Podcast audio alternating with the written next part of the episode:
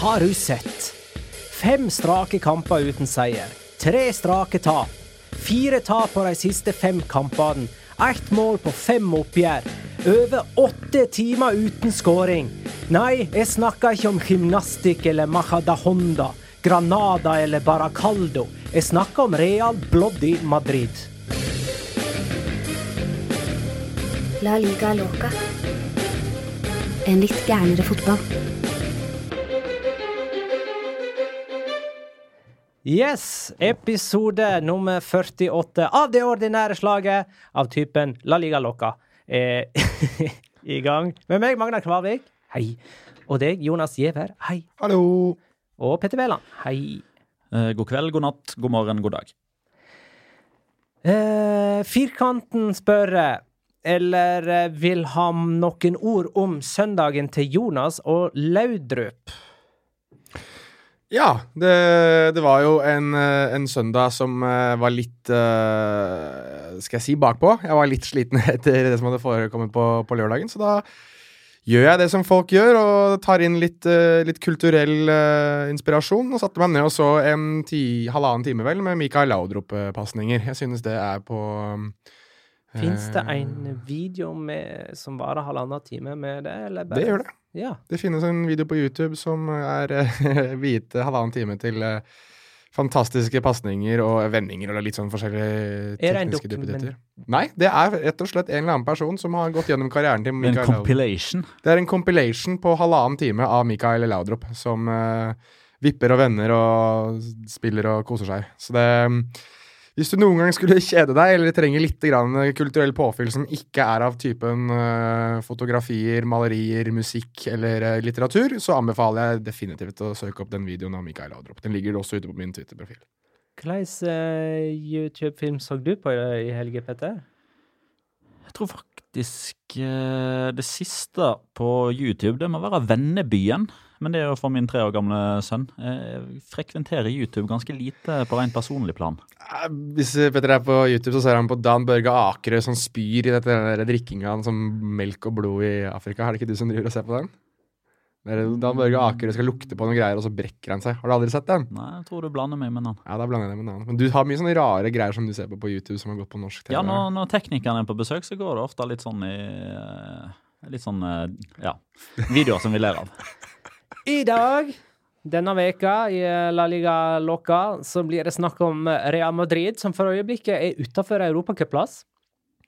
Uh, og det eh, rett før de skal møte Barcelona i eh, sesongens første El Clásico.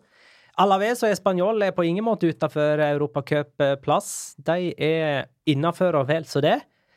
Eh, mens Barcelona er inne i ei tøff uke med Inter i Champions League og deretter El Clásico, men det er kanskje akkurat sånne perioder de viser hva de kan i. Skal vi begynne med Real Madrid Levante, eller? Én, to.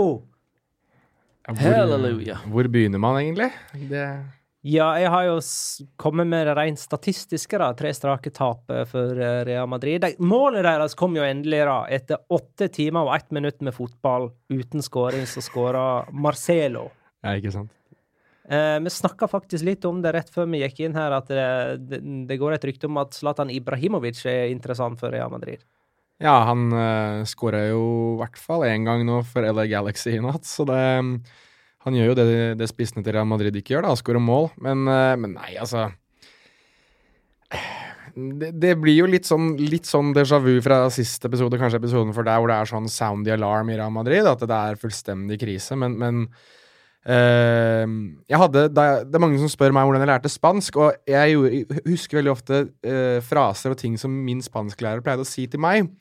Og min spansklærer på Oslo katedralskole het Bård, og hver gang noen kom for seint eller et eller annet var i veien, så pleide han å si Nå, madre mia, krisis total. Og den, den tenker jeg alltid på nå, eh, sånn i etterkant. Og spesielt med Real Madrid så er det nå krisis total. Det er fullstendig eh, bedlam der nå, og jeg, jeg tror at det er egentlig bare det er et tidsspørsmål før Julian Lopetegi får sparken. Det tror jeg vi egentlig kan, nesten kan eh, konkludere med. Da kan vi jo ta spørsmålet til Shayan Jalilian. Hei, Shayan. Lever han, altså? Spørsmålet, sier jeg, men det er jo flertallet. Masse, masse spørsmål. Sitter Lopetegi til El Clásico? Det spørs jo hvem man velger å tro på, men mm. flertallet mener jo at det er større sannsynlighet for at Julian Opetegi ikke gjør det, enn at han faktisk gjør det. Eh, litt bare sånn for å ta tempen på hva eh, spansk sportspresse eh, sa i, i går, så, så, skrev jo jeg en, en tweet der da noen eh, da publiserte at Lopetegi kom til å få sparken i kveld, altså søndag kveld, mens noen andre da mente at det ikke kom til å bli tatt en avgjørelse i kveld, altså søndag. Og da eh, hadde de da sitt forbehold, men skjer det ikke i dag, så skjer det ikke så, Eller skjer det ikke i dag, så skjer det i morgen. Skjer det ikke i morgen, så skjer det på onsdag. Skjer det ikke på onsdag, så skjer det rett etter El Clásico. Uh, og, og, hovedterminologien, uh, essensen i alt dette her, er at i likhet med det som skjedde med Rafa Benitez høsten 2015, da var den konsensusen at Benitez var ferdig. Han var ferdig, men han hadde ikke fått sparken enda. Alle visste at dette ikke kom til å gå i det lange løp, og den samme konsensusen begynner man nå å få rundt uh, Julian Lopetegi. At det er, det er, såpass mange som tviler på hans uh, kapasitet til å snu dette rundt. Uh, man begynner å se på arbeidsmetodene, man begynner å se på relasjonen til spillerne, som visstnok er veldig bra. Samtidig så kommer det drypp om at eksempelvis Tony Cross ikke er så veldig fornøyd med hans rolle og hans posisjon under eh, Jolen eh, Lopetegi. Eh, og noen ganger så får man litt sånn feeling av at det er kanskje ikke det mest logiske, det er kanskje ikke det som er etisk riktig. Det er sikkert mulig for vedkommende å snu det rundt, men det som til syvende og sist bare må bli løsninga, er sparken. For fotballtrenere så er det sånn kanskje litt for ofte, men jeg, jeg begynner å tenke litt det samme om at den endringa må skje bare for, bare for endringas skyld, egentlig. Og jeg merker egentlig at jeg er uenig med meg sjøl i det jeg sier det, fordi jeg vil ikke at det er sånn det skal være. Eh, men Altså nå har man, eh, altså Du lister jo opp en, en del av de negative eh, statistikkene og, og faktaene her, med, med, den nest lengste rekka de har gått uten å skåre mål i klubbhistorien. Altså de, de taper bort mot Alaves for første gang på 87 år. De taper for andre gang mot Levante i, eh, i, gjennom klubbhistorien. De taper med de største sifrene mot Sevilla siden 2002.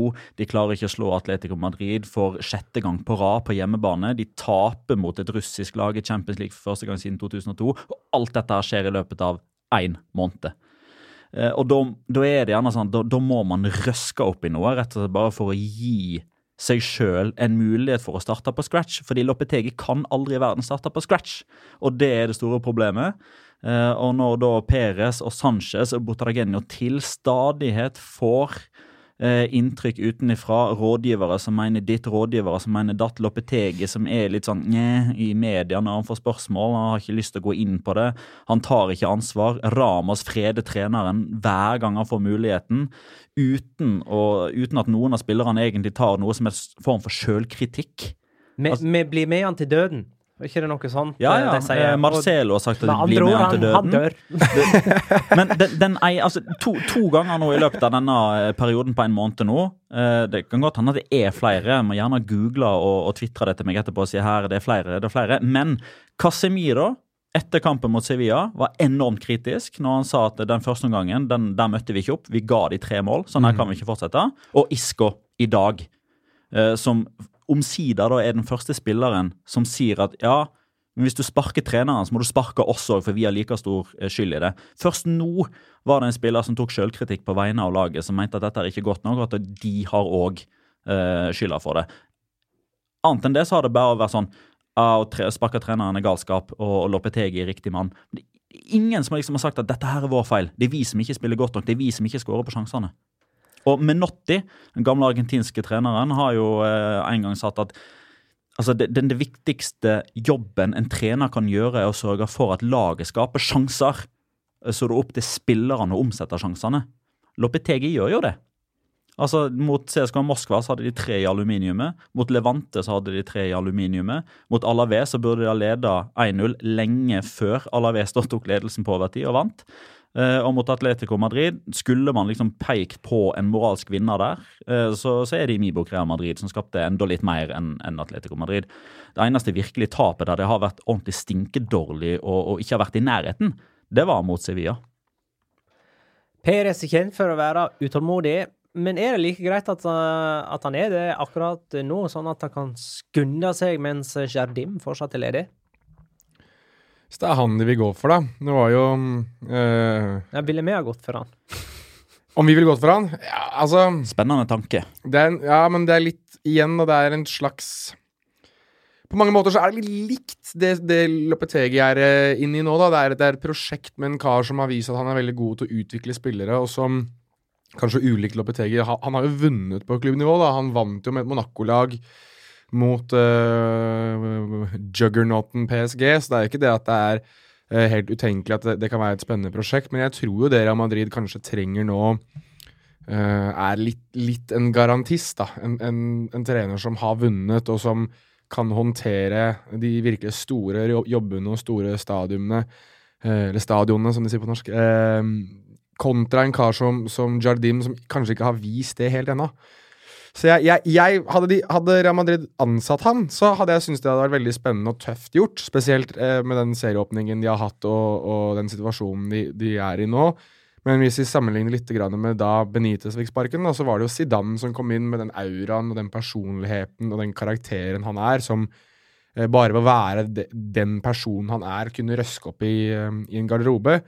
Uh, Jardim har ikke den, den standingen. Uh, Lopetegi har tydeligvis ikke den standingen heller, og da er det da er det fort altså En, en Antonio Conte da, som står igjen som uh, potensielt kan gjøre det. Jeg kan liksom ikke se for meg noen andre. Skal det være Arsen Wenger, liksom? Det, jeg tror, de, jeg tror, de, trenger noe som er veldig annerledes fra, fra Lapetegi. Solari, da, midlertidig. Han, eh, ja, Solari var med å vinne Han var med å vinne en, en Champions League-trofé. Han spilte vel pasningen ut til Roberto Carlos før Zidane skåra Den viktige hockeyassisten. Den viktige hockeyassisten. Aura. Aura. Så jeg vet ikke helt om Santiago Solari kan gå inn og ta den. Men det, men det er jo litt det som kanskje er i ferd med å redde Loppetegi, Lopetegi, da. Altså, man har liksom ikke den som alle ser på som er den perfekte erstatter. Ble, Mourinho ble jo nevnt i går, da. Jo, men han er jo ikke ledig. Nettopp, og da, og da på en måte indikerer jo det litt for meg det at Real Madrid kanskje tenker at det er vi har jo ingen andre å gå etter akkurat nå. altså hva, hva, skal vi gjøre? Skal vi sitte og vente på at Manchester United forhåpentligvis sparker Mourinho, så de kan ta han, da? Mourinho var jo på pressekonferansen i dag sa jo det at han vil være i Manchester United og vil gjerne være etter kontraktstiden sin også. Ja, ja Han sa jo òg at han ikke ville svare på spørsmål fra spansk media, fordi det eneste de tenker på å skrive om, er Cristiano Ronaldo og Real Madrid. Nettopp. Og da er det Jeg syns nesten, nesten, det legges dødt der, jeg, med, med Mourinho øh, og den potensielle linken der. Får øh, Lopetegi sparken med tap mot Barcelona? Ja. Ja da, da, det, er, ja, det, er siste, det, er, absolutt siste spiker i kista. Fordi en annen ting som òg altså, altså det, er, det, er, to ting, først og fremst, da, som er de formildende omstendighetene i form av at Lopetegi ikke får sparken. Eh, altså årsaker til at han ikke får sparken. Resultatene i seg sjøl, isolert sett, det er sparkeverdig. Mm -hmm. eh, spillet eh, ikke nødvendigvis eh, sparkeverdig i seg sjøl, men fordi man ikke klarer å omsette sjansene, ja, ja. så blir resultatene så dårlige. Ja, Litt sånn som vi var inne på. Altså, normalt sett så vinner de de kampene som de spiller mot CSKA, Alaves og Levante, men det gjør de ikke. Uh, den andre tingen, altså Så snakker vi om at det er liksom ingen trenere som er ledige. Altså det er ikke sånn at de altså Manuel Pellegrini fikk jo fyken. Altså De kasta absolutt alt av dokumenter som lå eh, tilgjengelig, og bare altså, kasta alt, altså makulerte alle papirer, for nå var Mourinho ledig. Mm. Kast alt som er i hendene, eh, avlys alle avtaler. Mourinho ledig. Altså, Den typen er ikke der nå, som gjør at eh, hvis man lar Loppetegi gå nå, så tar man én telefon, og så har man ny trener i morgen. Sånn er det ikke nå. Det redder Loppetegi, og det gjør òg det at um, nå har jeg gått litt rundt meg men, men det var jo litt av situasjonen da Benitez også fikk uh, fyken. da. Det var jo ingen som var ledig per definisjon da, eller som var altså, Nei, men nå har jeg ei uke å tenke seg om, og, og, og sånn Du kan uh, tenke Shabi Alonso sammen med en uh, Hva det heter en Midlertidig trener? Nei, ja, en, Caretaker? Spil, spe, en trener med hva heter legitimasjonen, da? Altså, Uefa-lisens. Lisens. Så altså, Shabi Alonso har ikke den. Men han kan være det sammen med f.eks. Solari. Solari ja. det, det, jeg skulle si, Den andre tingen som redder Lopetegi, er jo at alle andre òg har gjort det litt dårlig. Altså, Det er fortsatt ikke mer enn fire poeng. Det er ikke poengmessig krise. Det er ikke Nei. sånn at uh, sjansene for gull er uh, ødelagt, eller at avstanden opp er stor. Taper de derimot et klassiko, da er det sju poeng. I tillegg til at man forlenger tapsrekka og kamper uten seier. Og det smerter i seg sjøl å tape El Clásico. Det kan hende at han er ferdig allerede før det, uten seier mot Victoria Pils. Ja, eksempelvis. En trener jeg syns er rart at det ikke har vært nevnt. Sånn, eh, det er jo en digresjon, men jeg syns det er litt rart at uh, Jorge Sampaoli ikke har vært nevnt en eneste gang. Ikke det at jeg sier at han hadde vært en sånn superkandidat, men når du så hvor bra han gjorde med Sevilla, og det at han har vunnet Han har vunnet ting i Sør-Amerika, og han har vært med å vinne ting på internasjonalt nivå så er det litt merkelig. Og han er en kar som står for det stikk motsatte igjen. da. Høyt press, aggressivitet, mannsmarkering. Han gjør ting på en veldig annerledes måte enn det en del Lopetegi gjør, da. Og jeg synes det er litt rart at hans navn ikke engang kommer opp, da. Men kan jo være at hans, hans noe kontroversielle og shabby figur utenfor banen uh, har ødelagt for ham.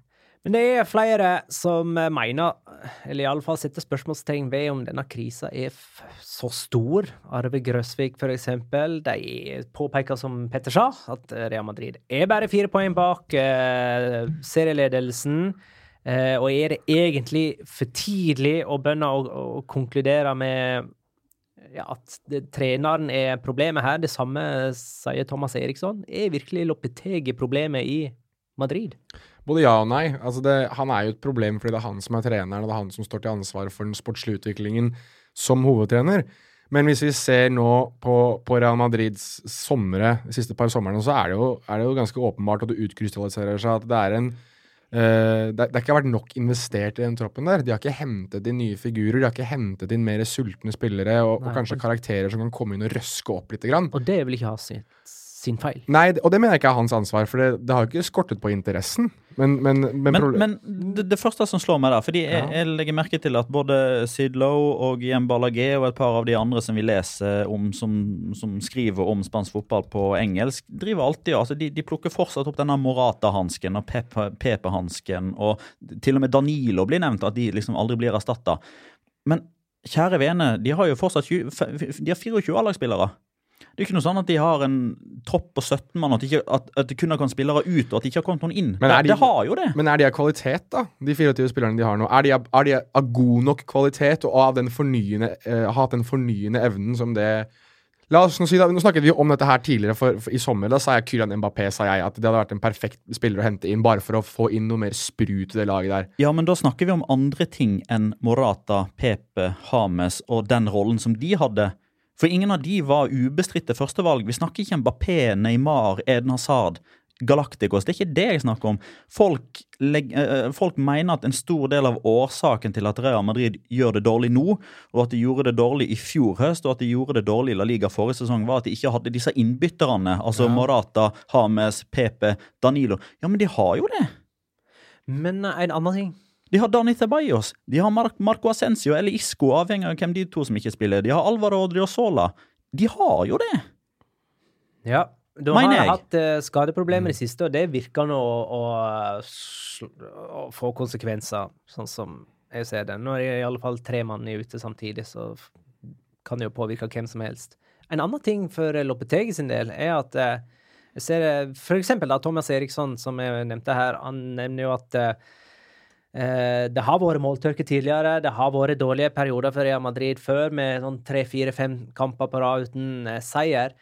Eh, og så har de kanskje hatt en bedre Champions League-sesong. Altså, de har vunnet Champions League tre år på rad. Eh, sånn at det har på en måte berga inntrykket totalt sett, selv om det kanskje har blitt en tredjeplass i La Liga. Men den muligheten har ikke Lopetegi nå, for han skal vinne La Liga, han. Det er det som er oppgaven hans nå. Så det å feile i La Liga nå, det er ikke akseptabelt, det. Det var det kanskje for hans forgjengere, men ikke for han. Ja, Du kan ikke feile så grassat på begge plan, i hvert fall. da. Nei, men eh, nå virker det som La Liga er førsteprioritet. Nå har de liksom hatt den der Champions League-trippelen sin.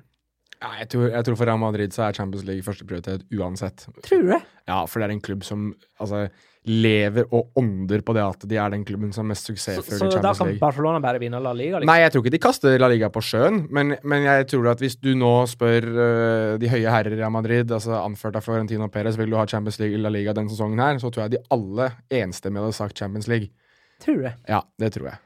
Ja, den er jeg usikker på. Kan jeg for øvrig bare da, Før vi avslutter Lopetegi, så kan jeg bare si at Marca nå eh, har kommet med en eh, artikkel som er ført i pennen av eh, Juan Ignacio Garcia Ochoa, som for øvrig blir å se i en reportasje på, på Viasat eh, i forbindelse med Champions League-sendingen i morgen. Men hvem er han? Sånn er han Marca-journalist. troverdig? Troverdig. God på Real Madrid? Ja. Følger Real Madrid. Det er det han skriver om. Han skriver nå at uh, altså, Julen Lopetegi esta sentenciado por Florentino Perez i la junta directiva del Real Madrid. Uh, altså, han er dømt.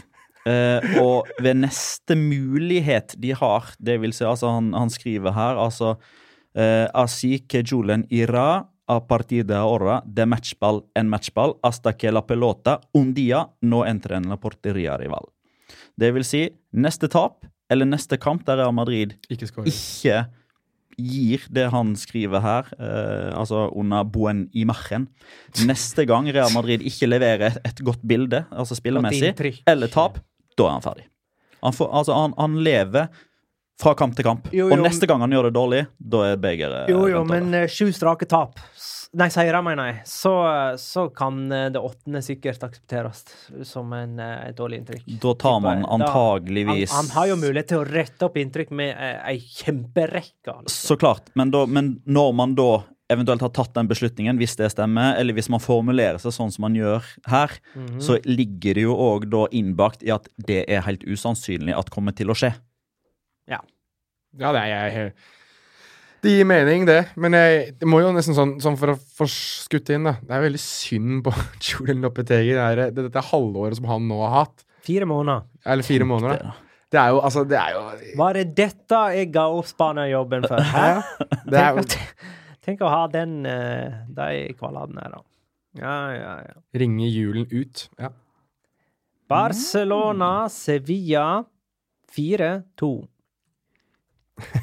Lionel Messi avgjorde den kampen før han måtte ha med skade. Ja, ja. Ja, det var jo nesten sånn. Um, hvor lenge er han ute, Lionel Messi? Minst tre uker. Minst tre uker. Minst tre uker. Møsta El Clásico for første gang siden 2007. Det samme gjelder jo Cristiano Ronaldo. Mhm. Det vil jo Julio Baptista-klassikoen. 23. 2007. 23. Lille julaften. Ja. K- ehm, Julio Baptista. Det er et par ting å uh, ta fra denne kampen her, uh, utenom det at uh, Louis Moriel skåra eh, med en avslutning han faktisk prøvde å avslutte. Hvorfor var Sevilla så innmari tamme i den perioden Barcelona var teamene, når Messi lå ute med skade? Det virka nesten som at um, det, At det som skjedde, var at Altså, Sevilla-spillerne de, de er jo fot, de, Ja, de er Sevilla-spillere, men altså, jobben deres er å være fotballspillere. Og enkelte tilfeldigheter vil ha det til at akkurat nå så er den gjengen der i Sevilla. Kjøp, salg, eh, kontrakter, bla, bla, bla. Til syvende og sist er de jo fotballelskere. I likhet med de som satt på tribunen, eh, alle de som satt og så på TV, alle de som satt og skrev. De ble liksom paralyserte og lurte Faen, er han skada? Mista han klassiko? Vi kan i hvert fall ikke skåre mål nå, det vil være umoralsk. Ja, det virka nesten som de hadde respekt for situasjonen, Det liksom. gjorde faktisk det. Ikke angrip så lenge Barcelona er ti mann. Eh, de mangler eh, og, den, og den mannen de mangler, er ikke bare mann nummer 11, han er nummer 12, 13, 14, 15, 16. Og liksom urettferdige lag. Ja. Nei, jeg uh, synes jo jeg, så, så for Sevillas del, da, så var det et intervju, eller var en greie som fascinerte meg litt før kamp eh, Jeg husker ikke hvem som la det ut, eller det kanskje var Cadeno Coppe, som la ut en video av um, Pablo Machin, der han ble intervjuet av, av en eller annen som um, spurte han litt For det er jo blitt litt fascinerende, dette her med hvordan Girona stoppet Lionel Messi i fjor i, da, da, det ble, da de spilte på hjemmebane, da Messi så oss ikke var på banen. Da Pablo Maffeo fulgte han rundt som en skygge. Og da sa jo eh, sa jo Machin det at det er jo Det er noe jeg kunne gjøre i Girona. Eh, det kan jeg ikke gjøre med Sevilla, for da kommer det til å være plystring, og folk kommer til å be oss om å gå i angrep, og det kommer til å være eh, u, altså misnøye med hvordan jeg da har eh, tiltrådt den kampen, hvis jeg gjør det med et lag som Sevilla. Og da var det vel eh, Joaquin Caparros, som er sportsdirektør, som, eh, som svarte litt på det. At, eh, må, at du må gjøre sånn som du vil, men vi er Sevilla, vi spiller fotball på en positiv måte, og så videre og så, videre. Så. Så det virket jo litt som om det allerede var litt ulmende stemning. da, At det var en sånn kanskje litt uenighet i hvordan de egentlig kunne framstå på Camp Nou. og Resultatet ble jo rett og slett det at uh, Paolo Marcin da, uten å gi noen det spesielle ansvaret med å fotfølge Lionel Messi, måtte strengt tatt se Lionel Messi ødelegge kvelden deres før den egentlig starta skikkelig. Så, så mm, jeg synes det var eh, litt sånn ukarakteristisk å se et Sevilla som ikke virket eh, energirike, og ikke virket som om de helt hang med eh, fra start. Det der var ikke det Sevilla som uh, vant fire strake kamper. Var, Nei, I alle fall ikke i første omgang. Men i Nei, andre, men i andre omgang så tok de det virkelig opp. Mm. Altså da, men det er klart, da, da er jo Barcelona uten Messi, og vi har jo òg vært inne på det gjentatte ganger før at altså selvfølgelig Messi skårer jo 1000 mål i hver kamp og har 4000 målgivende hver sesong og er den beste offensive spilleren gjennom tidene, men vi har jo òg snakka om dette faktum at de er bedre òg defensivt med han på banen. Av at motstanderen må liksom alltid ta hensyn. altså De må alltid kikke seg over skuldra og vite hvor Messi er, og gjerne ha to-tre mann i nærheten i kontradekning. Men det slapp jo Sevilla fra det 26 minutt og utover. Og selvfølgelig, vi, vi kan jo ikke bare hogge det i steinen og si at uh, hadde ikke Messi spilt denne kampen, så hadde det en 2-2. Uh, fordi altså, kampen lever jo sitt eget liv, og man legger opp uh, formasjon og taktikk etter hvert som skåringene renner inn osv. Men Barcelona 2, Sevilla 2 i løpet av den perioden der Messi ikke var på banen. Og uh, Marc-André Stegen har jo et par dobbeltredninger som ikke ligner grisen. Altså Det er altså helt fantastiske redninger, i tillegg til at Arana treffer, treffer stolpen. Og altså, Jeg har sett på den Six Dreams-dokumentarserien som ligger på Amazon App, app, app, Prime. Video. Ikke noe spoilers her nå, jeg skal begynne å se på den i kveld. Nei, nei, men det, det er ett sitat der som, som jeg husker. Det er ikke noe spoiler. Du, du kommer til å like den eh, dokumentarserien selv om jeg sier dette sitatet her. Det er fra eh, Barcelona Atletico Madrid forrige sesong. Saul Nige spilte den kampen. Han er en av de seks som den dokumentaren her er mynta på laga av, eller laga rundt. Og, og da sier han det sånn enkelt som så at det, det var to gode lag, ja, det hver sin omgang, og Messi avgjorde. Ja. Sånn er det i den kampen her òg, selv om man bare er involvert i et drøyt kvarter. Um, og, og det er liksom sånn Du får liksom bekreftelsen da på at eh, når Barcelona virkelig har Messi i godluna, så kvesser de klørne nok til at det er de som vinner. Altså, De skårer 1-0, Sevilla skyter i stolpen. De skårer 2-0, Sevilla bommer en enorm eh, dobbeltsjanse. 3-0 til Barcelona. 3-1 Sevilla. 4-1 til Barcelona. Enorm dobbeltsjanse for Sevilla. 4-2. Kamp ferdig. Hvor er Altså, Hva er det som avgjør denne kampen? Hva er det som gjør at Barcelona får tre poeng? Og hva er det som gjør at Sevilla får null poeng? Én, Messi. To. Og to, måten man avslutter og er effektive og liksom avgjør kampene i sin eh, favør. Tre Mark André Ter Stegen. Ja, han er jo da en, typ en del av Ja, ja, men han- Man ser jo og lurer på hvorfor eh, den beste lagdelen til Barcelona per sesong flytter seg ett hakk bak. Angrepet i 15-16-sesongen, midtbana i 16-17, Forsvaret i 17-18 og keeper i 18-19. Og hva skjer i 1920? er man da tilbake igjen på spissplass, eller går det til helvete, da? Da er det ny trener som kommer til å revolusjonere hele bøtteballetten. Da er Jorge Sampaoli eller Kikiset igjen eh, trener. Der har du det. er Hussein Abdullahi og Nikolai Esse Berge lurer på om fraværet nå av Messi kan eh, heve eh, laget Barcelona, ved at de på en måte får spilt inn en stil uten han. Et system som gjør at eh, de finner sine posisjoner, og dermed er sterkere når han er tilbake. Det, det er et godt poeng. Jeg tror det hadde vært enda litt mer relevant om han hadde vært ute i tre måneder enn tre uker. Men de Jeg tror ikke det er Inter nå, Jo, men jeg, og jeg, Real Madrid. Ja, men jeg tror ikke det er Jeg tror ikke det er lenge nok. Jeg tror ikke de får øvd nok til at det bærer frukter. Altså, de det må må øve liksom i dag mer og i morgen. Og Jo, jo, men, ja, ja, men altså, du, du kan jo ikke liksom bare si sånn Ja, nå skal vi øve på dette her de neste to ukene, og så er vi verdens beste lag på det. Nei, Altså to måneder, da begynner man kanskje å se konturene. To sesonger, da kan vi snakke. Jeg tror ikke det er nok tid. Eh, tror heller ikke det er nok kvalitet. For å være dundrende ærlig. Ja. Nei, jeg eh, har jo sagt det at jeg har ikke sett et Jeg kan ikke huske sist gang eh, Barcelona var, hadde så mye Messi-dependensia at du måtte det, da, Tidvis i kamper så er det strengt tatt sånn at eh, Barcelona ikke finner noen vei til mål, og da spiller de ballen til Lionel Messi, og så skjer det et eller annet. Det har skjedd flere ganger denne sesongen her enn tidligere. Det har vært, så, vært mer åpenbart denne sesongen her enn det har vært tidligere, synes jeg. Og uten han så er det i hvert fall to-tre av de spillerne der som må heve seg i hvert fall to-tre hakk. Eh, og da ser jeg spesielt på Luis Suárez, jeg ser spesielt på Coutinho. Eh, det blir spennende å se hva slags rolle Arthur får i det hele. Osman Dembélé må nok heve seg et par hakk. Um, så er det spørsmål om Rakitic uh, har klart å hvile seg i form snart. Um, det er mange mange spørsmålstegn. Når skal han hvile seg i form? Ja, Det er jo et spørsmål, da. Han er jo så sliten, stakkar, at det er uh, Både han og Luka Modric har jo aldri vært mer sliten i livet sitt, tror jeg, enn det de er akkurat nå, virker det som. Og um, så er det Forsvaret, da. altså Longley og Piquet. Er Piquet påskrudd? Er Longley god nok? Det er, det, er, det, er, flere spørsmål enn svar rundt, rundt dette Barcelona-laget, og det er jo enda flere spørsmål nå med, med, Messi ute, for da har du liksom ikke det som, det som faktisk er svaret veldig ofte når, Madrid, nei, når Barcelona sliter, at du spiller ballen til Messi. Og jeg mener jo det at det, Jeg ble intervjuet av, av Real Madrids norske supporterklubb, og, der sa jeg det at Jeg ble intervjuet før skaden til Messi, og da sa jeg at den kampen avgjøres nok om hvorvidt Messi bestemmer seg for å ha dagen eller ikke. Nå er det sånn fra å gå til rundt 75-25 i Barcelonas favør, litt pga. bakgrunnen, hvor de spiller hen, og Messi i de kampene, og osv., osv. Så, videre, og så, så er det nå 60-40, føler jeg, ene alene fordi Messi er borte. Han betyr så mye for, for det Barcelona-laget at det, det utjevnet seg plutselig litt mer. Er du på El Clásico nå?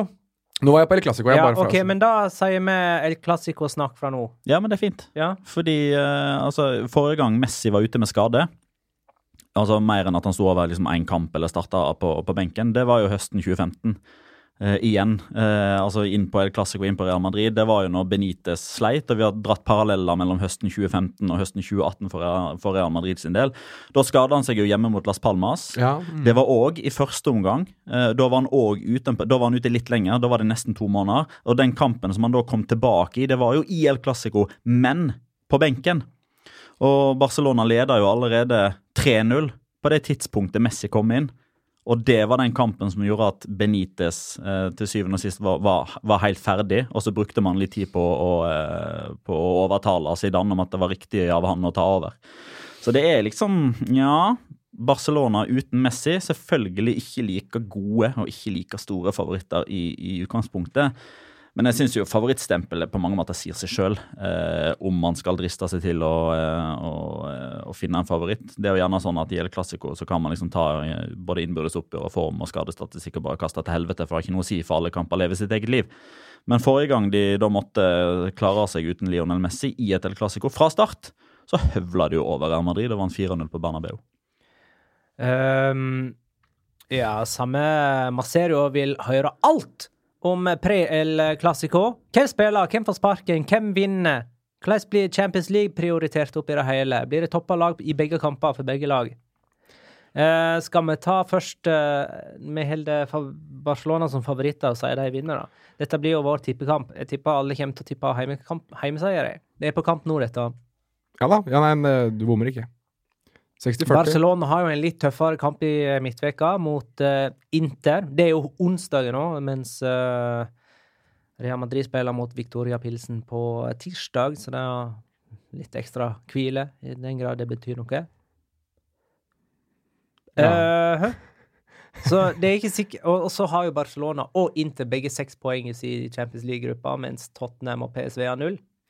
Ja, så det kan jo hende at du kjører litt grann, uh, rotering og hensyn til tar hensyn til den gode posisjonen de allerede befinner seg i. Ja, Nå fikk jo Inter en kjempeboost da. I går uh, Mauri Cardi vant uh, Milan Derby på overtid. Ja, men òg med en pris. Ja, ja Mista Nainggolan. Så det er uh, to lag som etter mitt syn da, mister kanskje den spilleren som eh, er mest innflytelsesrik når de er i form. da. Uh, Nangolan har kanskje slitt litt og var ikke helt med i Milan Derby hele tiden. Uh, så ble han skada, mens Messi er Messi. Men begge to har en ekstrem innflytelse på de lagene de spiller for. Mm. Så, ja. Skal vi ta eh, Barcelona-laget, da? Hvem kommer inn for Messi? Og blir, det, blir formasjonsendringer en konsekvens her, kanskje? Dembele, Dembele. Mm. Han som kom inn. Eh, Coutinho på venstre, Suárez i midten og Dembélé på høyre. I 4-3-3. Arthur, Busquets og Rakitic. Mm. Og så blir det vel Langley og uh, Det blir samme forsvarsfirer som kanskje Sergi Roberto innenfor seg med det òg. Jeg sitter med en sånn der, ja. jeg sitter med en sånn veldig rar følelse, og det er ikke basert på noe annet enn en feeling. Det, altså jeg, det, er et eller annet som sier at Arturo Vidal kommer til å starte den kampen her. At han blir igjen er- Paulinho At det er, nå, det er nå Arturo Vidal skal inn og gjøre the Lord's work på midten der og slåss mot Casemiro. Altså, han har jo uttrykt eh, enkelte jo ting mot Real Madrid tidligere. Så det er klart at vi- hvis, hvis Ernesto Valverde mener at den kampen her kan bli vunnet på fysikk og på eh, raseri og eh, aggressivitet, så er jo Arturo Vidal mannen å gå etter. Nå, og nå er han jo sint, bare sånn generelt òg, for han ikke får spille. Ja. Altså, Men- når kamera når, når Ja, produser da ja, det? fokuserte på han, jeg tror det var ti Ja. minutter igjen av kampen, eller noe. Så, så sint på Altså, jeg fikk nesten harehjerte hjerte bare av å se på han. Han så så sint ut. Men uh, da spiller eh, Hvis han spiller en av disse to kampene her, så er det mot Inter. Jeg, jeg drister meg til å si at det blir noe Real Madrid. jeg. Drist, jeg, jeg, er kjent, jeg er kjent for å være den som sikkert kommer med, med mest sånne antakelser og prøver, prøver å melde litt grann her. Det, det, noen ganger har jeg rett, noen ganger har jeg feil. Jeg har for det meste feil.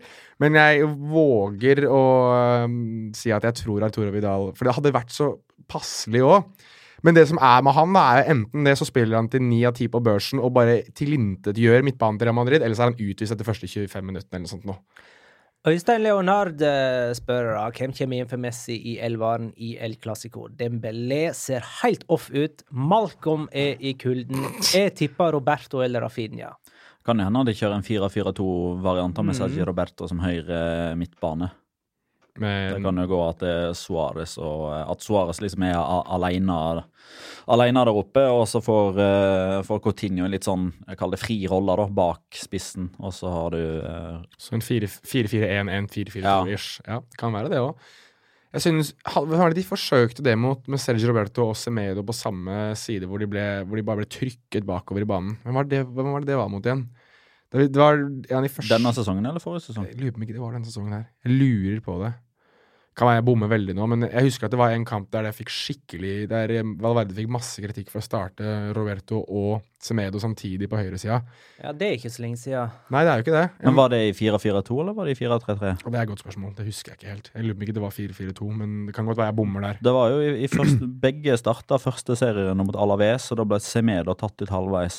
Ja, det kan, da Da er det vant nok de jo den. 3-0, eller lurer på om de òg gjorde det mot Atletic? Ja, Det var det jeg tenkte. Jeg er inne og ser på det nå. Sergio Roberto. Jo, Barcelona Atletic. Da starter Den er både. Semedo og uh, Sergio Den. Roberto. Den er det.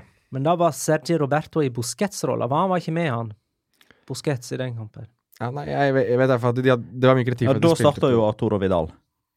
Ja, det er mulig det var han som Ja, han òg starta. Samme lineupen som mot uh, Atletic. Ja, for da eh, hadde du Da hadde Semedo som høyreback, Alba som venstreback, eh, Langlet, Piquet stoppere, Sergi Roberto høyre i midtbane, så var det Vidal og Rakitic til venstre, nei, i, i, i midten, Coutinho venstre, og Dembélé Suárez på topp. Ja, men det er, nok den, i eh, det er nok den kampen der, tror jeg. Hvor de Men fikk så mye kritikk. Men skal vi holde oss til El Clásico? Ja, riktig. Sorry. Vi, eh, vi hopper litt rundt her nå. Men jeg tror eh, Nei, jeg, jeg tror at det fort kan være Jeg, jeg tror Arthur har spilt seg inn i det laget der. Uh, jeg, og jeg, jeg tror at Arturo Vidal uh, er med, på et vis. Jeg kan ikke helt Jeg fatter ikke det. Det er bare, Det er bare de- en av dine originale tanker igjen. Det er en av mine originale tanker. Ja. Og så har du Coutinho og Dembélé, og så har du Suárez på topp, tror jeg. Jeg tror at de prøver 4-3-3, men uh, kan fort være at de omstiller seg til 4-4-2 relativt Real. Madrid, da? Fredrik Hermel, eh, hva slags kredibilitet gir vi han? Spørs om Zinedine Zidane er trener eller ikke. Ja, Han er jo ikke det nå lenger, men han uh, melder jo for RMC nå at uh, Lopetegi får fyken etter kamp mot Pilsen uansett hvordan det går, og at eh, Solari sitter i El Clásico. Med Xabi Alonso som sier høyre. men, men det igjen, da. altså, ja, Hvilken elver stiller Real Madrid med? Nei, spørs hvem som er trener der, da. ja. Vi får gå for at det er Lopetegi, da. Vi Ja, får, uh, nesten Vi får ta utgangspunkt i det. Ja. Var- dere ikke for øvrig litt overraska over elveren mot Levante? Jeg fikk ikke sett uh, Real Madrid-Levante. Det var, ned, altså, det var jo nedprioritering, da. Igjen. Ja, jeg så elveren og stussa over Men er det automatisk en nedprioritering hvis man Nei. forsøker å rotere? det, det, Jeg stussa over elveren, som sagt. Jeg tror det, jeg tror det Magna sier at han stusser mest over, er at Mariano starta en fotballkamp. Det, det er jo uh, i seg selv litt uh, Ja, men, ja, men samtidig ja, for, for jeg være litt sånn djevelens advokat, men hvis ikke Mariano skal starte hjemme mot Levante, når skal han da starte? Aldri! Det er jo det som er poenget. Han skal jo ikke starte. Har du blitt med på toget mitt nå? Nei, jeg har ikke det. Jeg er fortsatt på Mariano-toget, men at han er ikke god nok for Real Madrid, det er han ikke. Det mener jeg. Så jeg, jeg tror han er den som angrer mest på at den Sevilla-overgangen ikke gikk i Ser orden. bare på benken at Tony Cross, Benzema, Bale, Ceballos Men altså, Benzema han hadde vært skada den uka opp til Ja, eh, kampen. Bale Bale, hadde gått skada ut av de to foregående eh, kampene. Ceballos hadde spilt to landskamper for Spania. Altså, Men her er det poenget ditt. Her, her er poenget hvorfor folk snakker om Hvorfor snakker om Rodriguez, Alvor Morata, eh, altså Hames Rodriguez. mm. Eh, at det vanligvis Så hvis du hadde hatt Hames startende i det laget her, eh, istedenfor La oss bytte ut La meg ta en uh, Vaskes, Vasques, da. Bytter du han ut, setter rundt på James Rodriguez. Vanligvis ville kanskje Gareth Bale ha spilt der. Da ville, ville ikke folk tenkt så mye over det. Kanskje det er fordi James Rodriguez er James Rodriguez, og at han er kjøpt for mye penger og Colombia-stjerne og, og er av en større status og høy, høyere profil enn Lucas Vasques. Men der har du mye av problemet, problemet med at Real Madrid ikke har de der stjernene. Og der fikk eh, Jonas siste ord i den debatten som vi hadde for en halvtime siden. Ja, jeg tok den igjen, Eh, jeg. Bale, Benzema, Ceballos, Cross, Kroos alle inne igjen i elveren til El Clásico? Det lurer jeg på. Ik ikke Ceballos, men resten tror jeg. Jeg tror ikke Ceballos eh, starter, selv om eh, jeg syns han er den eh, beste midtbanespilleren eh, de har hatt denne sesongen. Jeg syns det er han som har prestert best av de som er der. Sier det så veldig mye. Ja, Han har vært god, syns jeg. Ja, jo, men ja. Jeg syns ikke den midtbanen til Real Madrid har fungert noe særlig i det hele tatt. Ja, Da, men Courtois i mål. ja. Nå er det er liksom ikke en sånn Det er liksom ikke spørsmål lenger nå om hvem som er førstekeeper. Kan godt hende at Nava står mot Han- Victoria han står Pilsen, mot men Pilsen. eh, så er Courtois tilbake igjen. Carvajal skal visstnok være klar igjen, Ja. så da er han på høyre bekken. Og så altså, Marcelo Ramos. Varans. Du, hvis du er glad i Rafael Varan, så skal du være glad for at du ikke så kampen mot Levante. Han var skyld i begge Jeg har sett det. Extended highlights, så Ja. Da, det kom godt fram. Ja. Og han hadde visstnok òg bedt Lopetegui om ikke få starta den kampen, her, fordi han var sliten både mentalt og fysisk etter de to landskampene mot, eh, eller for Frankrike, men, eh, men ble Kanskje han ikke hørt. står over mot Victoria Pilsen, da. Det kan hende. Det gjør nok. Eh, Og da skal Nacho inn. Eh, Får håpe at han er bedre da enn hva han var for Spania mot England. Eh, Men ja, Ramos og Varan er nok de som starter. Marcelo venstreback. Eh, Og så Tre på midten. Ja, det er jo utgangspunktet det. Da er det jo Kroos og Modric og Casemiro. Det kommer jo ikke foruten de tre. Så er det Bale, Benzema. Og så er spørsmålet om det er Isco eller Ascencio. Jeg tror det blir Isco. Jeg tror også det blir Isco. Altså Asensio nå mot Victoria Pilsen og Isco på Så blir det liksom Det blir jo litt sånn rart, da. At eh, altså både altså Real Madrid og Barcelona mangler liksom den alle har snakka om i det, i det siste. Altså Barcelona uten Messi for første gang i eh, El Clásico siden 2007. Og så blir det sånn Det blir jo et tomrom for Real Madrid sin del. Da, altså I og med at Venicius Junior ble utvist for Castilla nå og ikke kan spille El Clásico. Det blir jo tomt, det blir jo det. Jeg tror vi tar tippingen her, jeg, nå. Eh, I forrige runde så hadde vi jo Barcelona-Sevilla. Alle tippa hjemmeseier. Jeg hadde 3-1, Petter hadde 3-0, Jonas 2-0. Ingen av oss eh, traff riktig resultat. Jeg hadde Franco Vasque som første målskårer. Petter hadde Messi. Jonas hadde Suárez. Så ett poeng til hver av oss der, altså. Barcelona-Real Madrid. Jeg sier 3-1 og Coutinho som første målskårer. Ah, jeg tok du målskåreren min? 2-0. Coutinho. 2-1. Um, og så er det faktisk Real Madrid som skårer først, eh, tror jeg. Sergio Ramos er vel du nå. Eh, nei, uh, jeg sier faktisk Jeg har skrevet Ramos nå, så nå er det for eh, seint. Bordet, bordet fanga. Nei, altså, jeg hørte jo gjennom den episoden vi hadde forrige gang, der jeg tippa Ramos på alle Fifa-spørsmålene. Så jeg kan jo ikke si Jeg kan ikke bare komme med han igjen. Eh, jeg sier Benzema, jeg. Ja, jeg tror egentlig at det blir 0-0. Uh, men uh, det er altfor stor risk å tippe det her, og uh, jeg får ikke noe igjen for det. Nesten. Nå ligger, liksom, nå ligger Magna litt i tet nå, vet du, så nå, kan, nå skal han passe på at han ikke nå, vet du. Han har innsett at dette her ikke er langoddsen. Jeg, jeg tipper kjedelig. Eh, og da gir tippe det, for å vinne. da, det gir eh, muligheter. Eh, vi går videre nå eh, i runden som var. Via Real Atletico 1-1. Eh, det er noe med dette Atletico-laget som gjør at det, for meg så ser ikke de ut som noen La Liga-vinner. Det, det, det er ikke solid lenger. Nei. Det er et eller annet der. Før vant de slike tette, dølle Dette var en tett, døll, innholdsfattig kamp. Denne så jeg. Eh, og det var, jeg var sikker på de skulle vinne på 0-1, og så gjorde ikke de det. Da mista jeg egentlig trua på at dette er en eh, reell tittelutfordrer. Jeg fikk kritikk for en par episoder siden for å kalle en fotballkamp kjedelig, så det er gøy å høre at du nå drar på begrepet døll. Jeg, jeg, jeg sa ikke kjedelig. Nei, døll er kanskje litt mer formildende. Eh, jeg, denne kampen her så jeg ikke, så jeg lar eh, Petter eh, komme med sine Jeg bare noterer meg at Villarreal ikke taper med Ramiro Fonos Mori i midtforsvaret. Det er liksom det jeg sitter igjen med. Ja, Han var jo involvert i baklengsmålet, da. Det var han, det har jeg sett. Men Jeg skal selvfølgelig ikke legge skylda på han, men altså Nei, altså Den kampen her hadde jo en litt sånn artig eh, oppladning, egentlig. Fordi altså Vi alle vet jo at Diego Simione er eh, en smule overtroisk.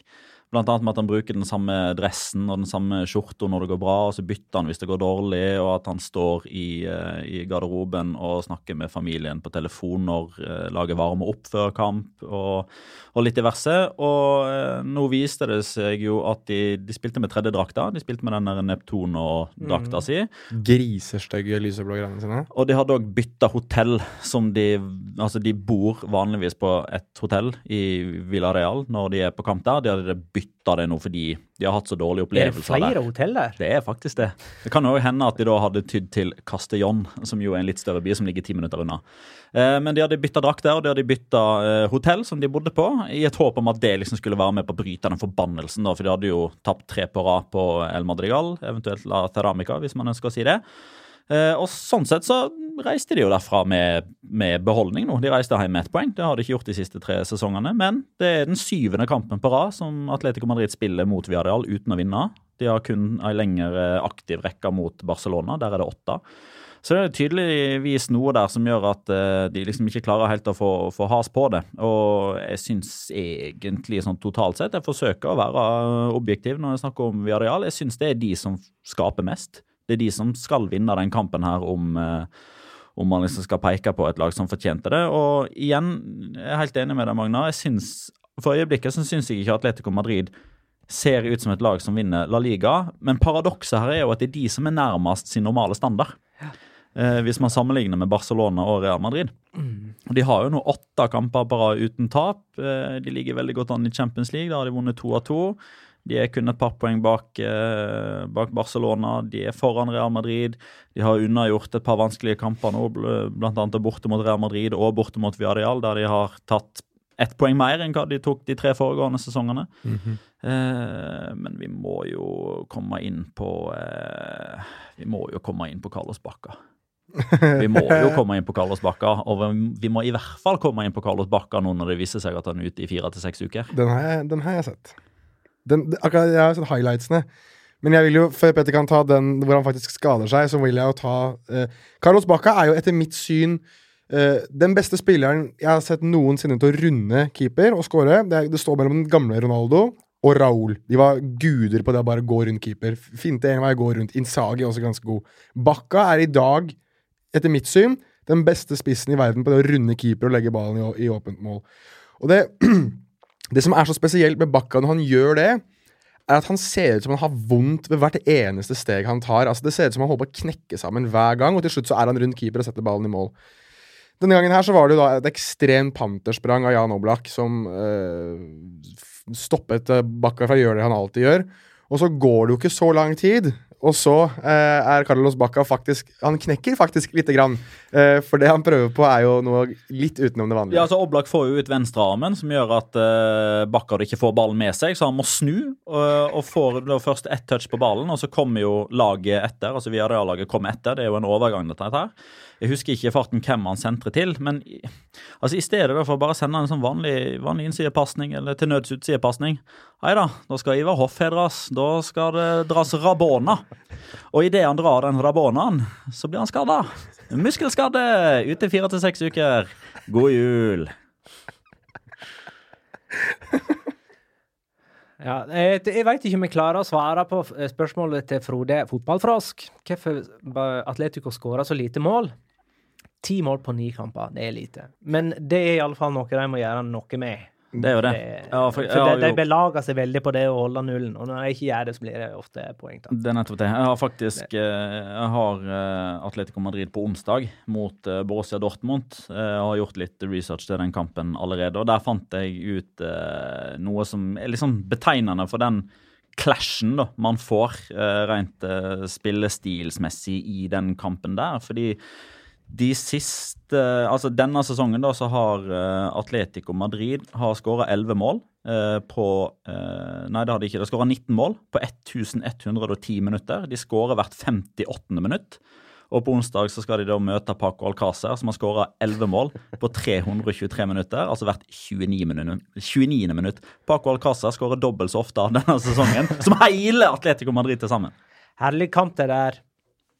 Dortmund Atletico på uh, onsdag. Men eh, nå har be begge de har seks poeng, de to andre i gruppa har null. Ja, men uh, for å svare på spørsmålet hvorfor ikke de skårer mer Atletico Madrid veldig fort Jeg tror jeg lurer de har endret for mye. Endret litt for mye samtidig. For mange nye ansikter inn. Spillsystemet sitter ikke helt ennå. Jeg, tror, jeg tror vi skal bedømme de litt grann mer når, når vi går inn etter de første, hva blir det for de første 19 kampene. Begynne å bedømme de da enn nå. At de, ja, ja, men eh, de, de havna bakpå. Så det, nå har ikke de havna så mye bakpå denne sesongen fordi at Barcelona og Real Madrid har gitt masse poeng òg, men Ja. sånn var det jo forrige sesong at de, de havna liksom bakpå og måtte drive innhenting, og det Ja, det kom ikke de langt med forrige sesong. Det er et problem, det der. Eh, det er noen overraskelser i toppen av um, La Liga. Uesca Español 0-2. Trond Simen M. Nesse vil at vi skal minne ham på hvor hen vi tippa Español på vår eh, tabell. Du, de er bare ni poeng over streken, altså. Mm, men det var under streken vi tippa dem. Ja, det var en åttendeplass. Eh, så det har vi minna Trond på nå. Uh, Geir Halvor Kleiva skriver er ikke det bare å dele ut ligatittelen til Spanjol først som sist. Eh, da kan vi kanskje det er, det er litt tidlig, for at Alaves ser ut til å mene alvor. Celta Vigo og Og Alaves. ikke minst Valladolid. Og Valladolid. Eh, apropos eh, Valladolid. Alexander Gjærevik spør Ronaldo, Spanias beste fotballeder. Hvordan er statistikken? Ja, ja, de, de topper tabellen etter at han kom inn. ja, vi tar De gjør det? Vi, ja, vi tar Ronaldo etterpå. Ja, ja, du vil uh, snakke mer om han, men uh, Ja, etterpå vil jeg snakke mer om han. Ikke, eh, du, du vil kanskje snakke mer om en espanjolspiss etterpå, Petter. Mm. Eh, for jeg mener det ser ut for, uh, for Espanjol sin del at de har gjort to ganske bra kupp. Det er Rubi som trener. Han som rykka opp med Uesca fra forrige sesong, og som nå er Espanjol-trener. -hmm. Og Borja Iglesias, som skåra 22 mål for Real Saragossa i Segunda forrige sesong. Men, Han skåra jo to nå, da. Begge mot uh, Oesca. ja, men kan vi ta litt grann om, om Alaves? Og ja, vær så god.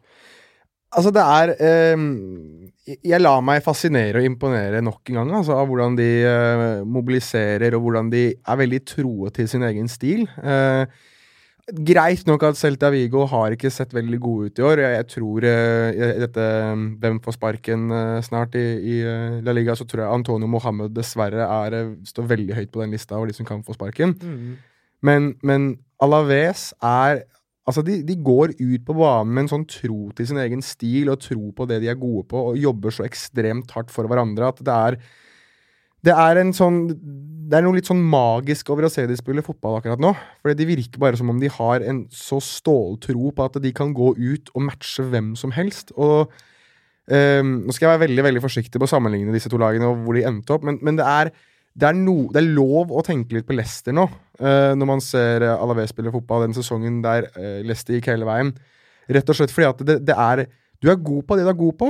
Du gjør det du er god på, og du gjennomfører det du er god på. Og da er det veldig Altså, det, det, det er enkelt å forelske seg i noe sånt, uh, først og fremst. Og så er det, er det vanskelig å slå noe sånt. Altså, Tro har flyttet fjell før, og, og eh, Nei, Abelardo Jeg har jo kødda mye med de Gianni Di Biase-greiene, men uh, Altså, virkelig. altså, Det, her er eh, vanvittig vanvittig imponerende. Så vi får vente noen runder til før det blir à la Wester, men det er ikke, det er ikke langt ifra nå, altså. Geir Halvor Kleiva mener jo at det er det er for Español sin del at det blir en Leicester-sesong, da. Ikke nødvendigvis på spillestilen, men fordi at det er en eh, underdog som egentlig skal rykke ned, men som vinner. Det er sant, men da må vi også si det at hvis de skulle gå og gjøre det veldig veldig bra, så må vi jo eh, må vi huske på at eh, Sergi Darder har jo advart oss om at dette kom til å skje. Han mente jo at de, Darderismo. Darderismo Han mente jo det at de kunne vinne Hva var det 1-0 i hver eneste kamp. Og, De kunne vinne, sånn per definisjon. Kunne vinne hver eneste kamp. Ja, og de Ta 114 poeng. Ja, det er Altså, de De har fem ligger bak skjemaet allerede. Nei, jeg gjør ikke det. Ja, de har jo tapt to, da, og to uavgjort, så det, men fem seire, det er eh, Jeg tror eh, det, skal være en ekstrem eh, Ekstrem formdupp for at de skal rykke ned, men men, men. Fotballen har, lenger leve. de har jo allerede tatt 17 poeng, og ja, de er sånn cirka halvveis til å holde seg. um, ja, Valladolid er altså det tredje overraskelseslaget. De vant 1-0 borte mot Real Betis søndag kveld. Eh, Betis er det eneste laget i topp fem-serien som ikke har skåra i løpet av første omgang. Og de har færrest mål av alle i La Liga med fem på ni. Det er sykt, altså. Så, ja, det er det. Og, men sånn i etterpåklokskapens navn altså Her trodde jeg Real Betis skulle nå endelig skåre, og både underholde og skåre. Uh, men i etterpåklokskapens navn så var denne ganske forutsigbar, denne kampen her. Betis hadde ball. Valladolid lå dypt og kontra inn et mål som Betis ikke klarte å svare på fordi Ja. at de står på ballen. Uh, og dermed så gikk altså Valladolid forbi Real Madrid på tabellen. Uh, Håkon eh, spør om noen av disse tre kan fullføre høyt på tabellen. Det er vanskelig Ja, å svare på. de har jo Altså. oddsen mot seg pga. at alle de store som, eh, som underpresterer. Da. Men det sa man jo gjennom hele 15-16-sesongen i Premier League òg, når Leicester eh, vant. Altså skal, skal vi se helt objektivt på det, sånn troppsstørrelse og styrkeforhold, og hvem som kanskje blir mest svekket av en eventuell skade, f.eks. på en nøkkelspiller, så er jo Español det laget som har eh, forholdene i hvert fall lagt bedre til rette enn det Alaves har. Eh, jeg tror ikke at det blir noe spesielt høyere enn en mm, sjetteplass, kanskje. Eh, på, på Spanjol? ja, på Da, ha, da, da er, er de svaret på spørsmålet til Håkon. ja, ja, det er i så fall Sjetteplass. Ja, det er i så fall det, det laget som overra vil, Altså, jeg tror ikke det laget Jeg tror det er det laget som kan overraske mest, og det laget som overrasker mest da, ender maksimalt på sjetteplass. Så jeg tror at um, Men mye skal klaffe for at det skjer også for Spanjol sin del. Så hadde det jo vært veldig veldig moro hvis vi får en sånn Askeladd som kanskje er med eh, litt utover sesongen nå. Når vi snakker runde 25-26, så ligger de der oppe, liksom. Det hadde vært veldig, veldig moro. Mm. Og akkurat nå så er det altså to Barcelona-lag på topp. Ja. Barcelona med 18, Español med 17. De har to plussmål mer enn Alaves, som òg har 17 poeng. Valladolid er altså nummer eh, 6 med 15.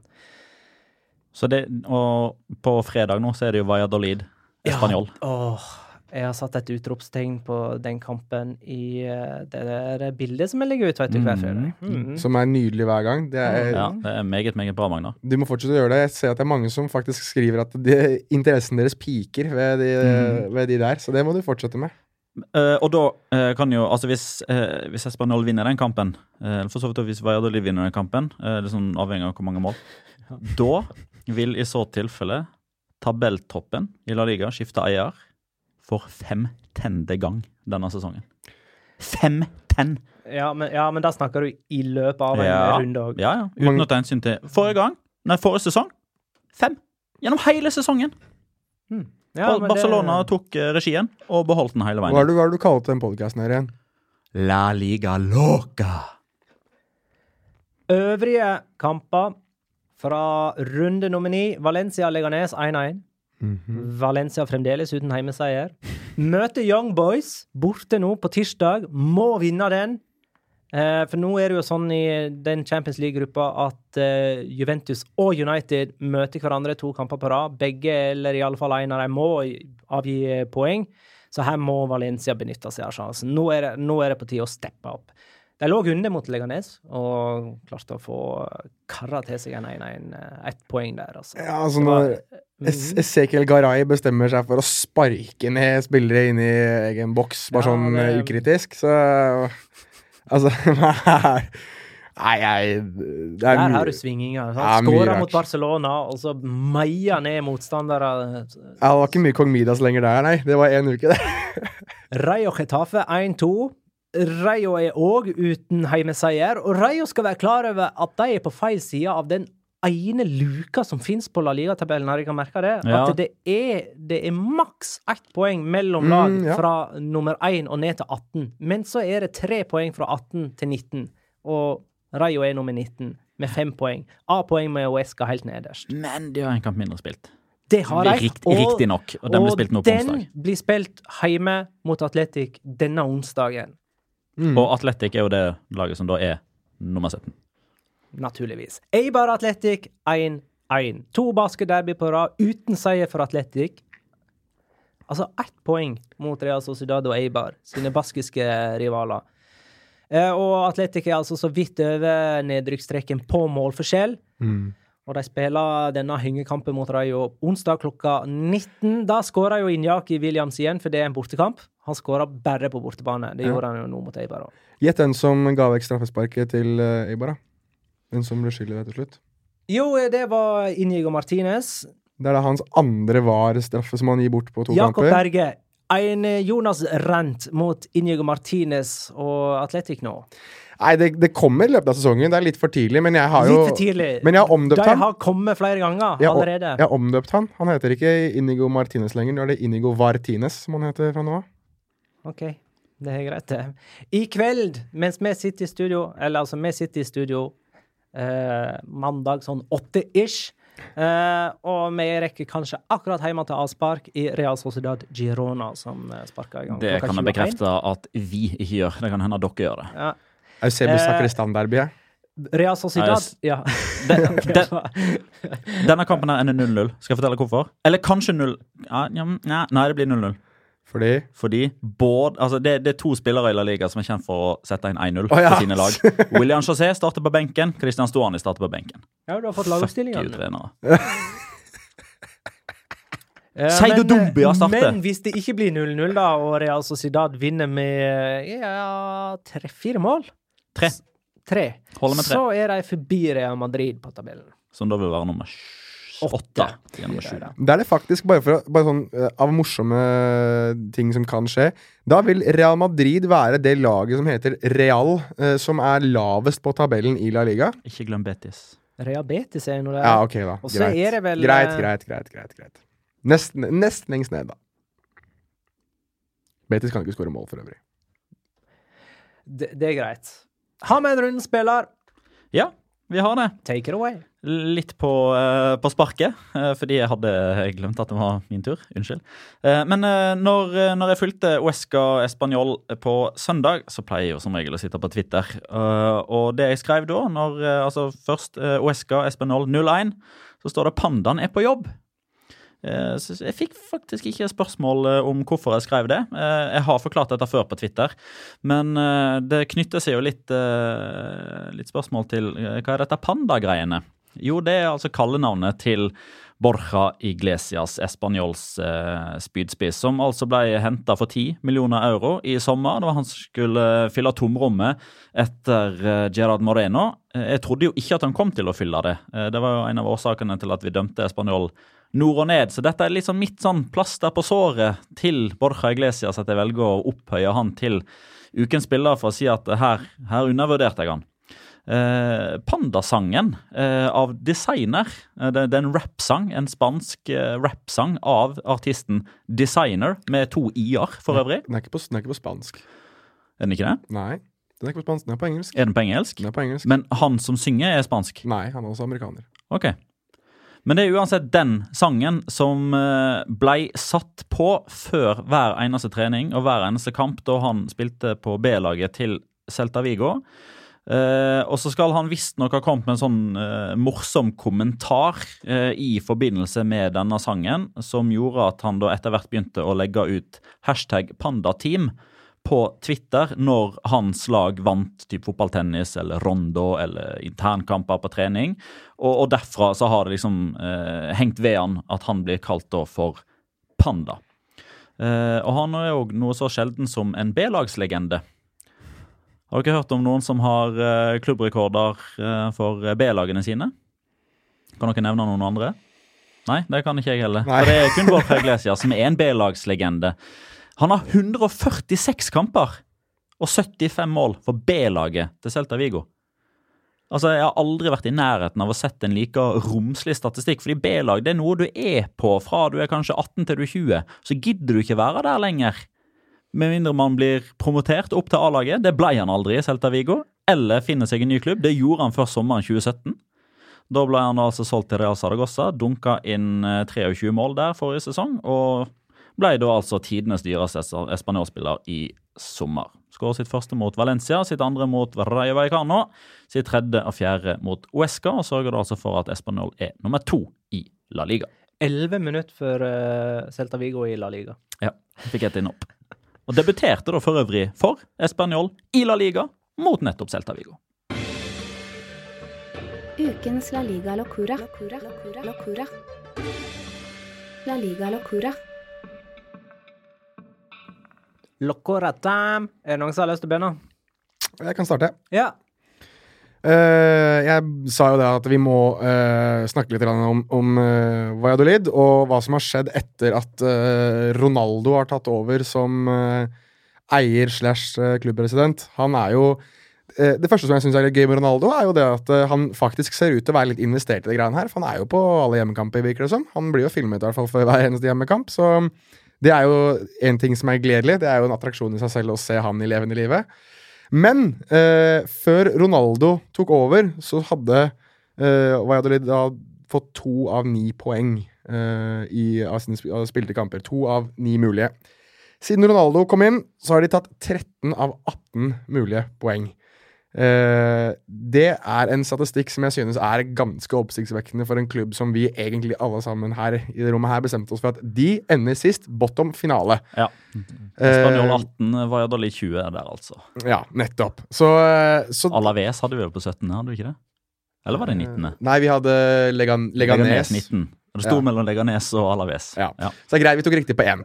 Men i hvert fall så Etter ni runder. Så, ja. I hvert fall så uh, Ronaldo uh, Det kalles Ronaldo-effektene, så La Liga har tvitret om det også. Men uh, i, hans, i, hans, navn så vil jeg si det at Real Valladolid ser faktisk litt fenomenale ut. Fenomenal. Fenomenal. Ja, jeg tar um, Du ødela den egentlig litt, Magnar, fordi du nevnte det i stad. Uh, Injake Williams. Oh, Men ja. uh, altså ja, han, han, han, har skåret 23 mål nå i, i La Liga. Uh, La Liga-mål nummer 12 ble skåra på Anueta. Nummer 13 ble skåra på El Sadar. Nummer 14 ble skåra på Vitente Calderón. Du må si hvilke lag som spiller på disse ulike banene. Det har egentlig ikke så veldig mye å si. La Liga-mål nummer 15 og 16 ble skåra på La Rosaleda.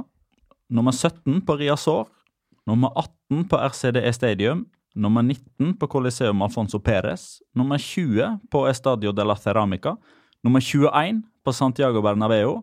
Nummer 22 på Benito Villamarin og nå altså da nummer 23 på Iporoa. Og det er ikke så nøye hvem som spiller på disse her, fordi enhver skjønner at dette her er forskjellige lag han har skåra mot hver eneste gang, og det er hjemmebanen til det laget som han spiller mot. Jo da. For, For hans stadion er San Mames, som han ikke har skåra på siden desember 2016. Og dette her er faktisk den lengste rekka gjennom tidene ikke i antall bortemål på rad, for den er det Diego Forland som har, med 14. Injaki Williams har nå 13 på rad. Men Diego Forland klarte det i løpet av færre kamper. Så Injaki Williams har nå altså da 1, 2, 3, 4, 5, 6, 7, 8, 9, 10, 11 kamper på rad der han har skåra, og alle er på bortebane. Det har aldri tidligere skjedd i La Liga. What the fuck? Eh, Sist gang vi hadde sånn Locora, det er vel to uker siden det nå, for eh, det var ikke serierunde forrige helg så hadde jeg en sånn herre eh, Midtstoppere som ikke har flyten Barcelona edition. Det går jo ut på at eh, midtstoppere gjør feil uten å egentlig være dårlige. De bare involverer seg uheldig med veldig negative konsekvenser. Det var vel Fermalen den gangen som hedda ballen i ryggen på Piquet og videre til Garay, som skåra i åpent mål.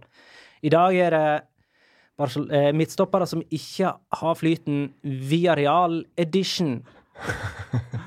For det baklengsmålet mot Atletico kom sånn at eh, Grismann slo et frispark inn i feltet. Fonis Måre gjør jo det han skal. Han vinner hovedduellen der, men er uheldig og header ballen i egen tverrlegger. Ballen spretter ut igjen i feltet, og han må inn i en duell nummer to. Den taper mot Felipe Louis, som header ballen i mål. Det var altså Fonis Mori, midtstopper nummer én. Det som skjer i mellomtiden, er at midtstopper nummer to, Alvaro Gonzales, han klarer å snuble i føttene på Asenjo, som slenger seg for å redde det, det som er i ferd med å bli et sjølmål. Så han snubler i føttene på Asenjo, og så detter han sakte, men sikkert oppå Asenjo, som dermed ikke klarer å reise seg opp for å redde headingen til Felipe Luis. For det er jo en løs, slapp heading som går i en båge nesten midt i mål. Hadde Asenjo kommet seg opp igjen, så hadde han bare plukka den ballen. Men han har altså Alvaro Gonzales liggende oppå seg, så han kommer ikke seg opp. Og det, det er ingen av midtstopperne til Villarreal som gjør en kjempetabbe, men de er begge involvert med den negative konsekvensen at det blir baklengsmål. Jeg kunne jo selvsagt ha nevnt Varan for Real Madrid her, men han er ikke uheldig, han er bare dårlig, han. Skal vi nevne eh, også at uh, José Luis Morales uh, latterliggjorde Sergio Ramos gang etter gang etter gang etter gang etter gang. etter gang, etter gang. Uh, altså det, er, det er godt å se at El Comandante er på jobb igjen. Det er deilig. Det trenger vi. Det er ingen krumma nakken som han, altså. Nei. Også, men uh, bare fordi men, Mens du uh, briljerte nå, Magna, så bare jeg tok så så, altså Det jeg har på skjermen nå, det er bare oversikt over serierunden og de resultatene som var. Eh, og så slo det meg at i, i hver eneste kamp så har det skjedd noe som liksom er sånn statistisk Bare Det er helt wow! Eh, altså Celta Vigo Alaves. Thomas Pina ble matchvinner. Det har han ikke blitt siden 2010. Real Madrid Levante. Tidligere Villarreal-spiller der, for øvrig. ja. Uh, Real Madrid Levante, altså der, var det jo, der fikk jo Real Madrid da omsider slutt på mål. Tørken. Hvem var det som uh, fiksa det? Altså Venstrebekk, Marcelo. Valencia Leganes. Hvem er det som fikser poeng for uh, Valencia? Det er venstrebekk, uh, Gaia. Hvem er det som sender Leganes i ledelsen? Jo, det er Gombao, som aldri før har skåra i La Liga. Villarreal Atletico. Hvem er det som sender Atletico Madrid i ledelsen? Det er venstrebekk, Filipe Louis, som aldri før hadde skåra med huet. Han har spilt over 600 kamper. Det er første gang han gjør det. Hvem utligner for Villarreal og skårer det første målet på hjemmebane på over 400 minutter? Høyrebekk. Mario Gaspar. Barcelona-Sevilla. Hvem er det som for første gang treffer reint siden 29.2? Luis Moriel. Rayo Vallecano Retafe. Sergio Akieme debuterer i La Liga Å, med sjølmål. Eibar Atletic Club. Ny La Liga-rekord av uh, Iñaki Williams med skåring i elleve bortekamper på rad. Eller han har skåra mål i elleve kamper, og alle elleve er på bortebane. Og eh, Charles skårer på straffe i andre kamp på rad, etter VAR, som Sergio Enric, som Sergi Enrik skaffer, og Inigo Martinez lager. For andre uka på rad. Som sagt, for andre kamp på rad. Ja. Eh, Uesques på 0-0-2. Borja Iglesias eh, skårer sin første La Liga-dobbel. Real Betis Valladolid. Antonito skårer sitt første mål i La Liga i en alder av 30 år. Så jeg lurer på hva for noe sykt som skjer i det altså Sociedad Girona eh, i kveld, eh, bortsett fra at den er 0-0. Det må jo bli det at verken Stuani eller William José skårer i kampen. Ja, men De gjør ikke det, for begge starter på benken. Ja, men, ja, det jeg at Sjuke i ingen Real skårer. Sociedad Girona er jo at Real Sociedad vinner 4-0, og dermed passerer Real Madrid. La Liga-lokka. Uh, fire utvalgte kamper fra uh, mitt sete til kommende runde. Det er Valladolid Español fredag klokka 21. Toppkampen. Hvem, hvem hadde trodd? Hvem hadde trodd? Uh, lørdag 16.15 Atletic Valencia. Mhm. Egentlig ikke verdt å se, for det blir uavgjort. Det må bli 1-1. uavgjort. 1-1. 1-1. Eh, samme dag Atletico Madrid Real Sociedad kvart på ni. Kul kamp. Mhm, Kul kamp. mhm, mhm. Og dagen etter, søndag 16.15, Barcelona Real Madrid. Det er bare å ønske god El Clásico-helg. Tusen takk for alle innspill og spørsmål, eh, eh, kjære lytter. Takk for at du lytta, kjære lytter. Ha det, da.